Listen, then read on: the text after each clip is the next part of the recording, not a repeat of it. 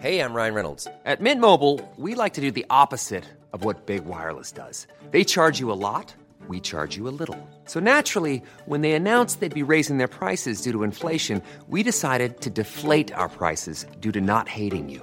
That's right. We're cutting the price of Mint Unlimited from $30 a month to just $15 a month. Give it a try at mintmobile.com slash switch. $45 upfront for three months plus taxes and fees. Promo rate for new customers for limited time. Unlimited more than 40 gigabytes per month. Slows. Full terms at mintmobile.com.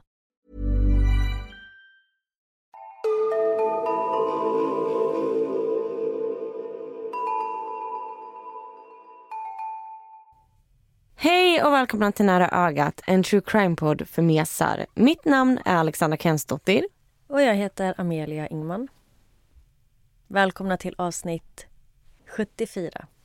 Och idag är det ju Assas tur att ta upp ett fall. Och jag vet redan vad det är hon kommer att prata om.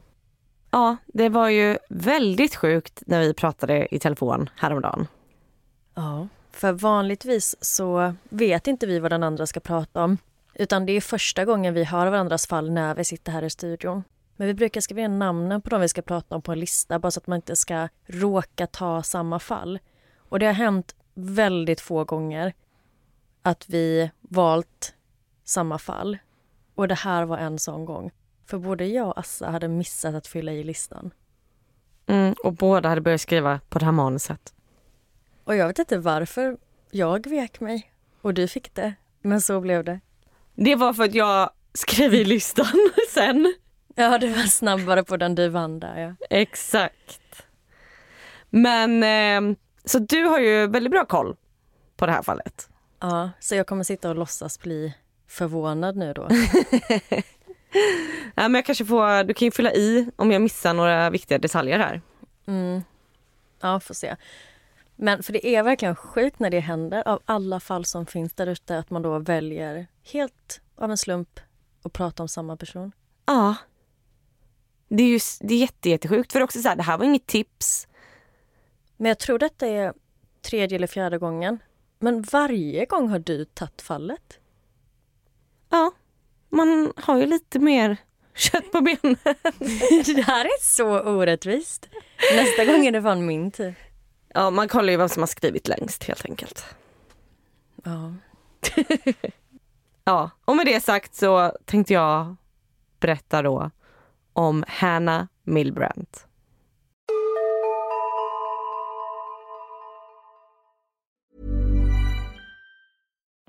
Life is full of what ifs. Some awesome, like what if AI could fold your laundry?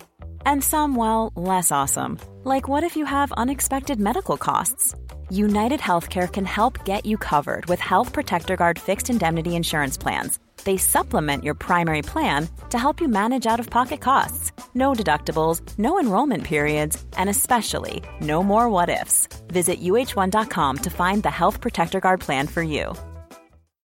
Millions of people have lost weight with personalized plans from Noom, like Evan, who can't stand salads and still lost 50 pounds. Salads, generally, for most people, are the easy button, right? For me, that wasn't an option. I never really was a salad guy. That's just not who I am. But Noom worked for me. Get your personalized plan today at Noom.com. Real Noom user compensated to provide their story. In four weeks, the typical Noom user can expect to lose one to two pounds per week. Individual results may vary. Mina källor idag är artiklar från The Mirror, Cosmopolitan och Daily Mail samt ett Youtube-klipp från Kendall Ray och en dokumentärfilm från Absolute Documentaries.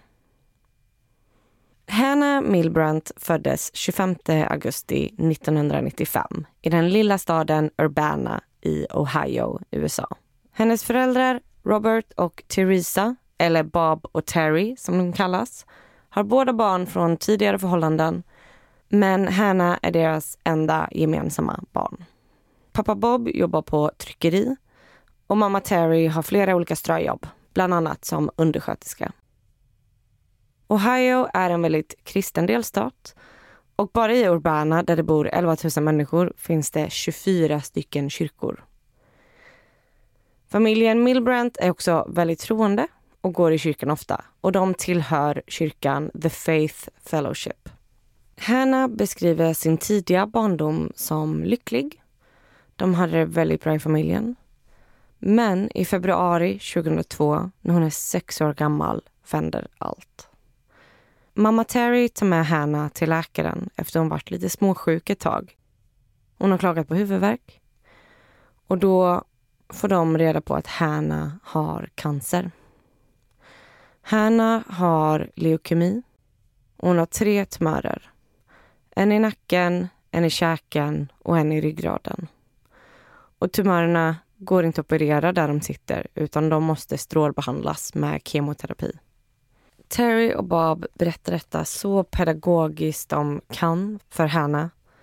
Men hon blir såklart väldigt ledsen och svårt att ta in vad det är som händer.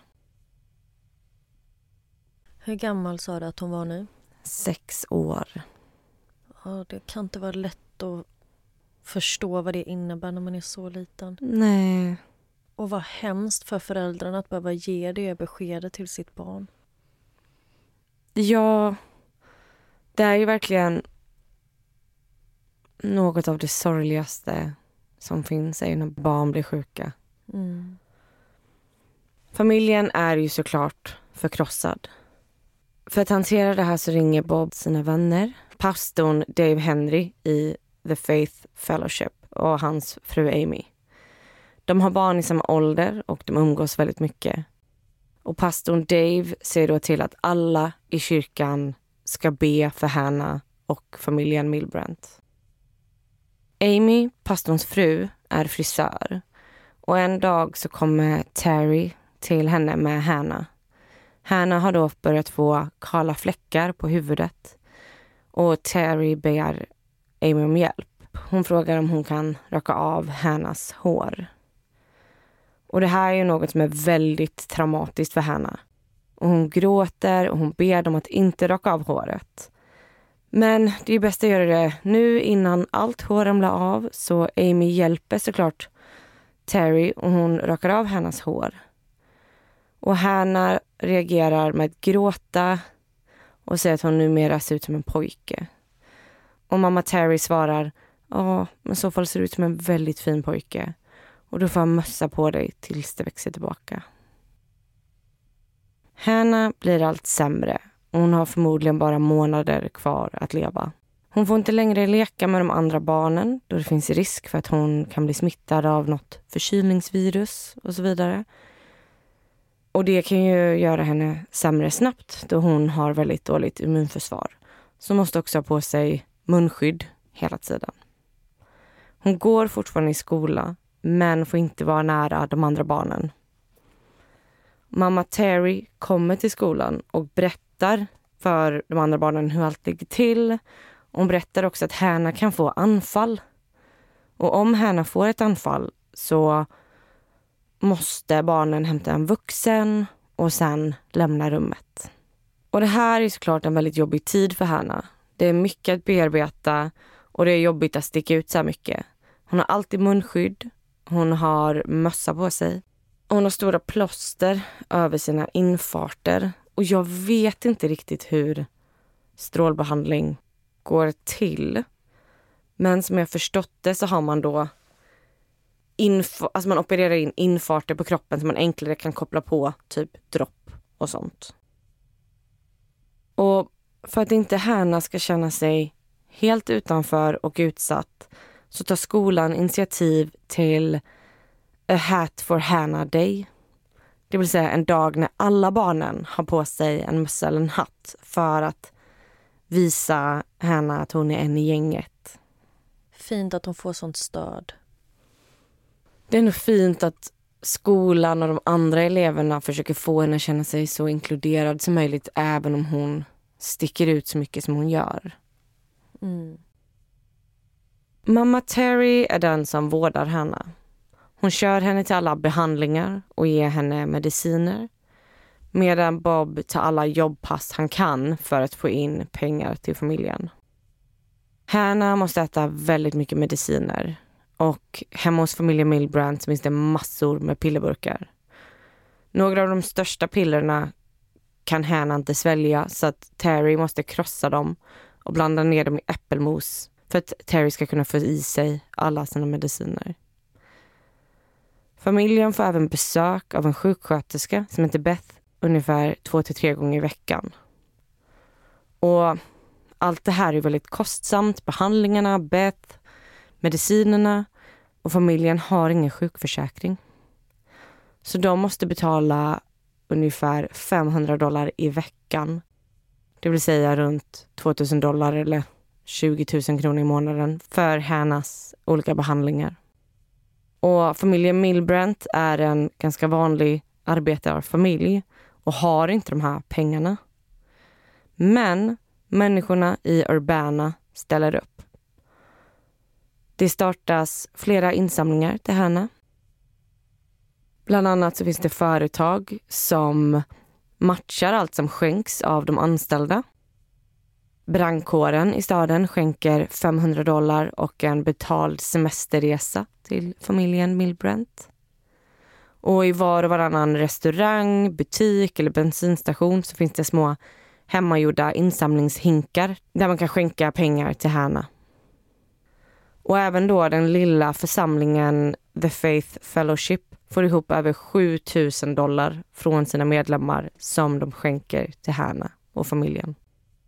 Och i USA så kan man samla in den här lilla metallflärpen på burkar och få en slant tillbaka. Och det handlar om väldigt lite pengar om man jämför med pantsystemet i Sverige. Men det är ett sätt att få in lite pengar. Och många barn i Urbana börjar samla ihop de här metallflärparna åt Hannas vägnar så att familjen Milbrandt ska kunna lämna in dem och få lite pengar till de här behandlingarna. Och en flicka som heter Stephanie som är rullstolsburen och inte kan andas själv utan en maskin. Hon har samlat såna här metallflärpar i åtta år. Och även om hon är själv i stort behov av de här pengarna så väljer hon att skänka sin stora insamling till Hanna och familjen Milbrandt. Gud vad fint. Ja, det är verkligen så fint. Alltså när tjejen är kroniskt sjuk och ja, men kan inte andas själv. Sitter i rullstol, hon har liksom en slang in i halsen. Och hon väljer ändå att skänka sina såna metallflärpar till en annan tjej i nöd. Ja, så osjälviskt. Mm. Men trots alla behandlingar blir Hanna bara sämre och sämre. Och i slutet på 2002 har Hanna bara veckor kvar att leva. Hanna mår ju såklart otroligt dåligt av detta och får prata med kuratorn på skolan. De pratar mycket om döden och hon får bland annat i uppgift att måla sin version av himlen. Hur hon tror att det kommer vara när hon kommer dit. Och jul börjar närma sig och hon får frågan vad hon ska önska sig av tomten. Och då säger hon att hon hoppas att han kan låta henne leva. Och även hennes kompisars föräldrar och andra föräldrar på skolan börjar prata om döden med sina barn och om att Hanna kommer dö snart. Så att hela det här var ju väldigt traumatiskt för en stor del av samhället. Men lärarna på skolan börjar nu misstänka att något är fel. Terry går runt och pratar om hur Hanna bara blir sämre och sämre och att hon bara har några veckor kvar att leva. Men lärarna upplever att Hanna är som vanligt. Hon har massor med energi och hon vill jättegärna leka med de andra barnen. Och hon upplevs som pigg. Och när man genomgår strålbehandling så brukar ju håret falla av i tussar och det växer även tillbaka i tussar. Men när Hannas rakade hår växer tillbaka så växer det tätt över hela huvudet. Gång på gång, även efter mamman rakade av det igen. Mamma Terry verkar också lägga stora summor pengar på att fixa sitt hår och sina naglar. Vilket får folk att reagera. Många menar att familjens sjukhusräkningar läggs på hög och börjar då ifrågasätta varför mamman lägger pengar på fejknaglar. Och Terry är en väldigt öppen person och pratar jämt och ständigt om hur sjuk stackars lilla Hanna är och att hon kommer dö snart och så vidare. Och det gör hon även när Hanna sitter bredvid. Vilket uppfattas som väldigt konstigt och väldigt okänsligt. Lärarna på skolan kontaktade i alla fall the Department of Job and Family Services. Och jag är inte helt säker på vad det är eller om det finns något som motsvarar det i Sverige. Men det borde vara något lite som socialen kanske. Och de här kommer i alla fall till skolan och börjar prata med Hanna. Och då tar de bland annat bort de här stora plåstren som Hanna har över sina infarter. Bara för att upptäcka att det inte finns någonting under plåstren. Det finns inte ens några ärr. Bara helt vanlig frisk hud. Utredarna åker då hem till familjen Milbrandt och börjar förhöra Terry. Och det dröjer inte länge innan Terry erkänner. Hanna har inte cancer. What? jag skojar, jag visste det hela tiden. Men så sjukt. Ja, Hanna tror ju att hon har cancer. Men hon har inte det. Ja, det är helt sjukt att till och med Hanna är övertygad om den här sjukdomen. Tänk lilla, lilla Hanna. Sex år gammal, får reda på att hon ska dö. Men också hon har ju hört sin mamma prata om hur hon inte kommer överleva framför henne. Mm. Så hemskt. Och allt är fejk. Terry och Bob arresteras direkt. Och Hanna får under tiden vara hos sin mormor Mary Russell. Hanna är alltså helt frisk. Hanna går inte på strålbehandling. Utan Hanna har fått sömntabletter som är ämnade för vuxna som har gjort henne groggy. Sen har Terry tagit med Hanna i bilen, sagt att de ska på behandling och när Hanna vaknar till sen igen så är behandlingen klar. De har bara varit ute och kört bil och när Hanna vaknar så intalar ju då mamman att Hanna inte minns vad som har hänt på grund av alla mediciner. Beth, sjuksköterskan som kommer hem till familjen två, tre, tre gånger i veckan, existerar inte. Och samma här, Terry har intalat Hanna att Beth brukar komma hem till dem. Att hon tar hand om Hanna. Och mamman har beskrivit hur Beth ser ut och hur hon är.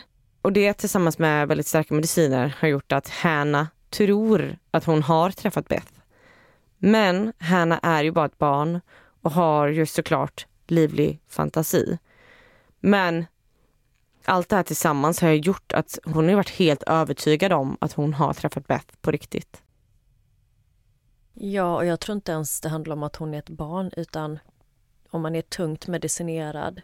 Man har kanske inte ordentlig verklighetsuppfattning och så har man någon man litar på som intalar en någonting som någon form av sanning. Då är det nog inte så svårt att bli övertygad om att det är sant.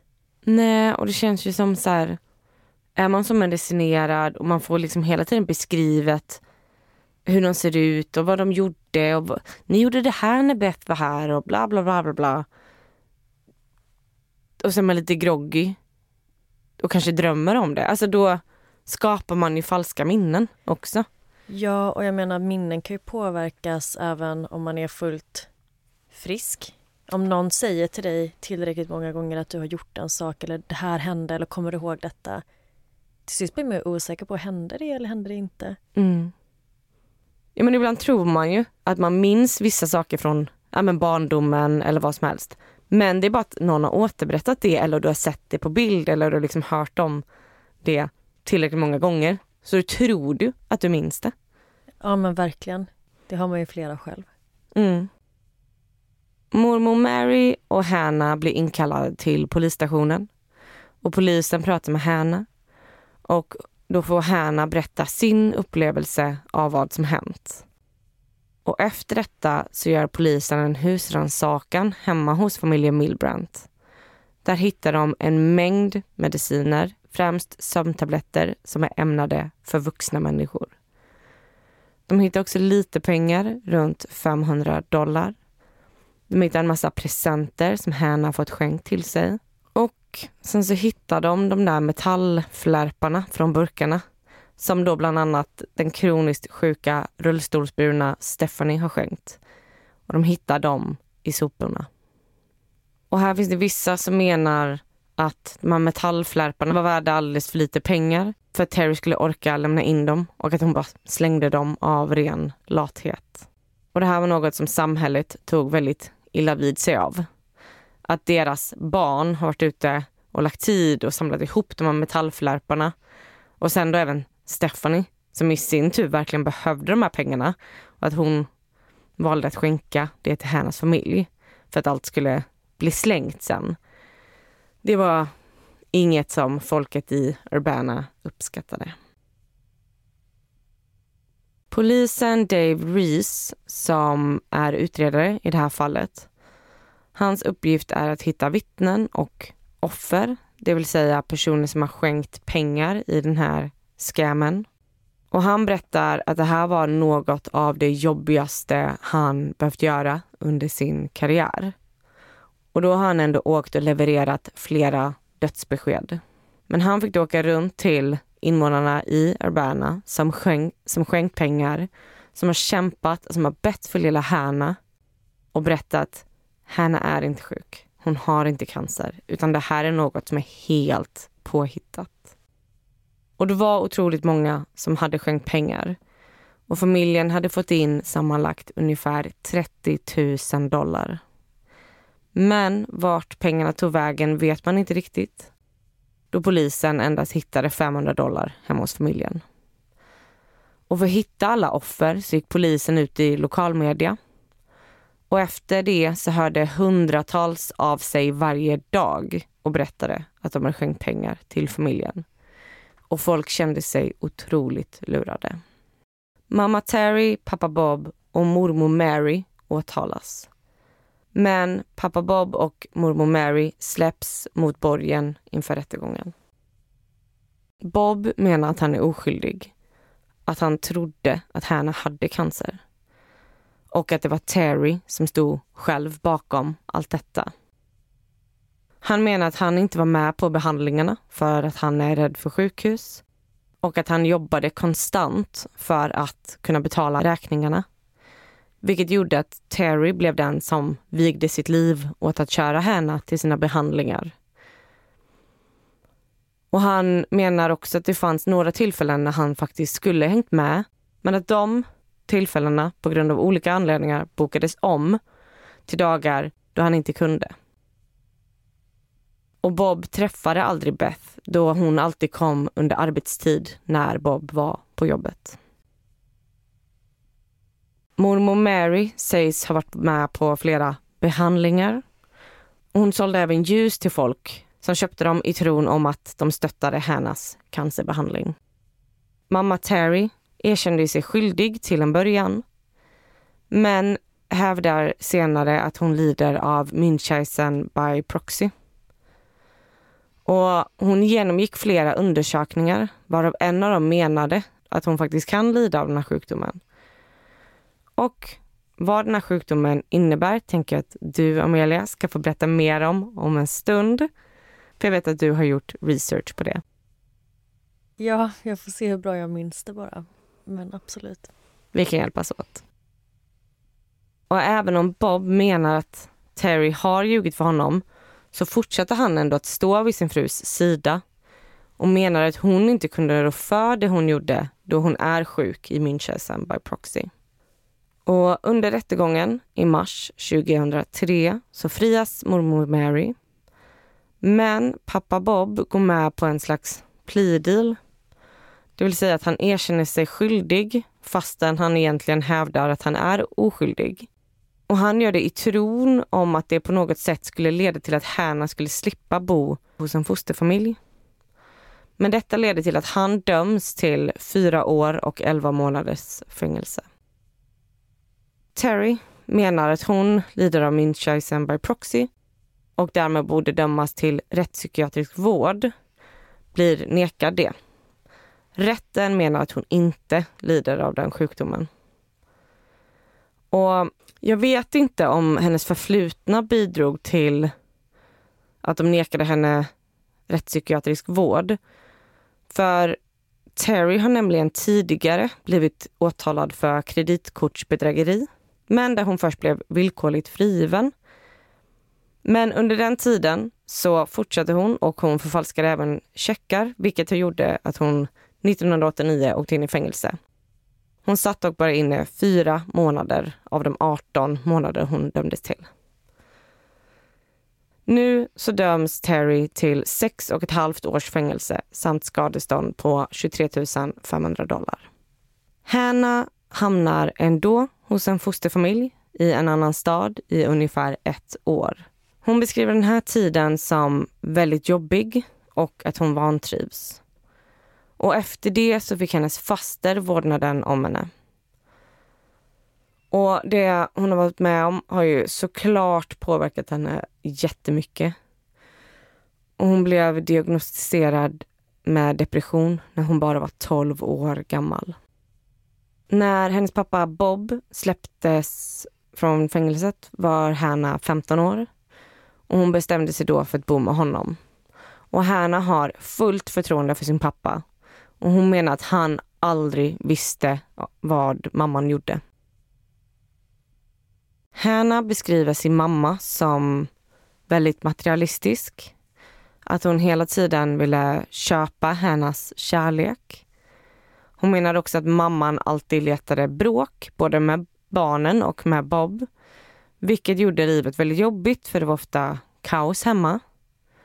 Och mamma Terry säger idag att en av anledningarna till varför hon gjorde detta var för att hon var rädd för att Bob skulle lämna henne. Och att detta var ett sätt för henne att ha kvar honom.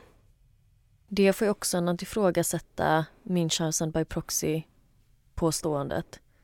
Mm. För att om hon nu säger att det handlar om att hon gjorde det för att behålla Bob, då handlar det ju inte om att hon har den diagnosen. Nej, precis. Det blir att hon säger emot sig själv egentligen. Ja. När Hanna var 18 så flyttade hon till New York i några år. Sen flyttade hon tillbaka till Ohio för att plugga på universitet. Idag är hennes mamma Terry en fri kvinna, men de har ingen kontakt. De bor dock i samma stad i Ohio och Hanna har stött på sin mamma på håll några gånger. Vilket har varit extremt jobbigt och traumatiskt. Och Hanna berättar att hon fortfarande lider av vad som hände henne. Och att hon inte tror att hon någonsin kommer komma över det helt. Men hon vill ändå vända detta till något positivt i sitt liv. Och hon vet att hon kommer göra allt för att vara den där mamman som monstret, det vill säga Terry, aldrig var för henne. Och det var allt jag hade om Hanna Milbrandt.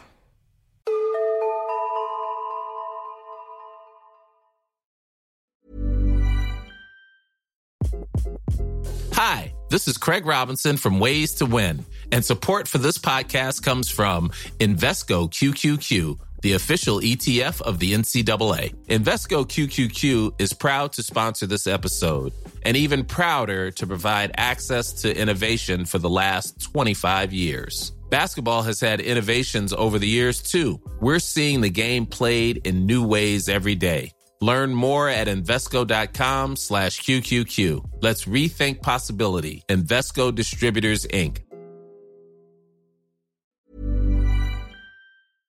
Snyggt jobbat Assa. Det här är en så sjuk historia. Ja. Och det är inte ofta man hör talas om fall där folk har eller påstår sig ha Munchausen by proxy. Ja, jag tror att det mest kända fallet är fallet med Gypsy Rose och mamman Didi. Det är inget vi har tagit upp i podden, det kanske man ska göra, så vi kanske inte ska avslöja för mycket. Ja, det är faktiskt några som har tipsat oss om det. Men precis, vi behöver inte gå in på detaljer men det är väl absolut det mest välkända. Det har gjorts någon stor dokumentär men också någon serie. Jag vet inte om det var på Netflix. Men... Det var på HBO. Dokumentären heter Mommy Dead and Dearest och serien heter The Act. Och jag vet att när jag såg Mommy Dead and Dearest första gången så hade liksom ingen av mina kompisar sett den. Så då tvingade jag min eh, kille titta på den. Och då tittade jag på den, alltså igen, samma dag med honom, bara så att jag kunde få prata med någon om den här dokumentären. Så sjukt. Ja, men vad är då Münchhausen by proxy? Är det dags för ett expertutlåtande här nu? Det är eller? dags för experten. Amelia, vad är Münchhausen by proxy? Jeez, ja, får se. Okej, jag ska leta här i mina dokument och så ska jag låtsas som att jag inte läser till nu då. Münchhausen by proxy, det är då en psykologisk störning där en vårdnadshavare skapar ett eh, sjukdomssymptom i sitt barn och gör sina barn sjuka med flit för att på så sätt få empati och stöd från andra. Och det finns en del kända fall av folk som har den här diagnosen men det finns inte så mycket data eller forskning kring hur vanlig den är och kring hur många som faktiskt diagnostiseras med det här. Och sjukdomen anses väldigt ovanlig och det är därför väldigt svårt för läkare att ge den här diagnosen till personer som lider av Münchhausen by proxy. Och problemet är att många av de som har den här diagnosen, de ljuger ju om att eh, sina barn är sjuka, vilket är olagligt. Och därför kan ju det leda till att de inte vill avslöja sanningen kring sin egen sjukdom. Så därför misstänker man att det finns ett väldigt stort mörkertal kring hur många som faktiskt är drabbade. Men det läkarna kan säga det är att det drabbar fler mammor än pappor. Och det finns en ökad dödlighet med 9% hos barn vars föräldrar lider av Münchhausen by proxy. Och det kan även förekomma att vuxna gör sig själva sjuka men då kallas det för Münchhausen syndrom och inte Münchhausen by proxy syndrom. Och en annan sak som är intressant med folk som har den här diagnosen det är att de kommer ofta från en bakgrund inom vården själva. Vilket då innebär att de ofta har koll på medicinska termer och det språk som används bland eh, läkare och inom sjukvården. Så de är ofta ganska kunniga inom det området vilket gör att de lättare kan övertyga och lura andra som arbetar inom vården att deras barn faktiskt är sjukt och även övertala andra runt om dem. Och det är också då lättare för de här föräldrarna att eh, veta vilka typer av mediciner de ska ge sina barn för att barnen i sin tur ska framstå som sjuka och då ge dem falska symptom. Och det kanske också gör att de har koll på um, alltså rutinerna hos läkare. Så vad de kollar upp och vad de inte kollar upp. Mm. Och därmed kan liksom utnyttja systemet. Eller kanske kan ni kolla detta för jag har märkt att mitt barn har betett sig så här och så här. Och jag vet inte, välja lite vilka tester som ska utföras och vilka mediciner som borde utskrivas. Mm. Och sen så, det är väl ganska vanligt att man går till många olika läkare. Mm. Just för att man inte ska fastna hos någon som kanske undersöker tillräckligt noggrant eller tillräckligt länge för att inse att sjukdomen kanske inte ens finns där. Mm. För det ofta handlar det också om att de vill ju att barnen ska framstå som sjuka. Som i den här berättelsen att mamman gav de här starka sömntabletterna. Och då handlar det om att man vill veta att det man ger barnen ska göra dem dåliga nog att folk uppfattar dem som sjuka, men man vill heller inte skada dem. Men i vissa fall så har det gått så långt så att liksom föräldrarna, eller oftast mammorna, har fått barnet att exempelvis gå på strålbehandling. Men det var det inte i detta fallet. Nu var det bara plåster över de här infarterna och så vidare. Mm. Och sen så i den här forskningen som gjorts av läkarna så menar man att det inte är helt klart varför någon utvecklar Münchhausen by proxy. Men man kan koppla det till barndomstrauman och vissa personlighetsstörningar. Och man menar att det finns framförallt två anledningar till varför folk håller på så här. Och det första är att man menar att folk med Münchhausen by proxy söker ofta stöd och hyllningar från andra människor runt omkring dem. Och att man vill att andra ska tycka att man tar så fantastiskt bra hand om sitt barn och man vill ha sympati och uppmärksamhet. Och den andra anledningen är ekonomisk vinning. Och i det här fallet så verkar det som att det kanske handlar om båda de anledningarna. Mm. Men som sagt, rätten avfärdade ju att mamman i det här fallet faktiskt hade Münchhausen by proxy. Men personligen, alltså vem, vem... Vem gör så här mot sitt barn om man inte har en sån psykologisk störning? För att hon inte ville att Bob skulle lämna henne. Det är sjukt, Terry. Hör du det? Ja. Det är ju så otroligt, så otroligt mörkt. Man ser så här folk i sin bekantskapskrets som har sjuka barn på riktigt. Alltså det är ju det värsta en förälder kan uppleva. Och att någon då ljuger om det här och ljuger för barnet. Nej, jag kan inte förstå hur man kan göra så här. Och jag kan inte heller förstå hur man kan riskera ett barns hälsa för sin egen vinning oavsett anledning. Alltså det är så hemskt. Visst, Hanna hade inte cancer men nu är hon traumatiskt skadad mentalt för resten av sitt liv. Jag skulle inte ens våga ge ett barn sömntablett. Alltså. Nej! Bara det tycker jag är hemskt nog. En sexåring får sömntabletter för vuxna. Nej, jag kan inte förstå detta. Och jag blev lite chockad över att Bob ändå stod vid sin frus sida. Mm. För det här är ju, alltså det är barnmisshandel. Ja, och till skillnad från det här mer välkända fallet med Gypsy Rose och Didi så blir jag lite förvånad över att familjen höll ihop. För i Didi och Gypsy Rose fall så var det bara de två. De flyttade runt mycket och var ganska isolerade. Medan här så var det ju flera vuxna som hade insyn i Hannas liv. Så det är jättekonstigt att det kunde gå så här långt. Mm. Men som tur var så var det ju lärarna som märkte att det är något som inte stämmer. Men hur länge hade hon tänkt spela på det här? Alltså Hanna skulle ju inte gå bort. Nej, exakt vad var målet? Vad hade hon sagt till Bob om hon tillfrisknade? Eller vad, vad är planen? Nej, det är väldigt mycket frågetecken kring allt det här. Ja, ja verkligen. Jag vet inte om jag behöver slänga in någon källa där på min, eh, mitt läkarutlåtande. Nej, men du räcker väl som källa? Mhm, exakt. Eh, Vicky och eh, Kendall Rays Youtube-klipp. Ja. Och vi kommer såklart lägga ut bilder från dagens fall på vår Instagram och Facebook där vi heter Nära ögat podd. Och där får ni jättegärna berätta om ni har hört andra Münchhausen by proxy-fall. För jag tycker att de är så intressanta. Ja, jag med. Och jag tror att i och med att det är så ovanligt med den här diagnosen så är det ju så intressant när man hör om det här. Och kommentera gärna vad ni tycker om det här fallet, vad ni tror att eh, mammans anledning till allt detta var. Och visste pappan eller? Hade Inte. hon verkligen Münchhausen by proxy? Ja, in och kommentera. Nära ögat podd på Instagram och Facebook. Och nästa vecka är det din tur. Ja, vi hörs då.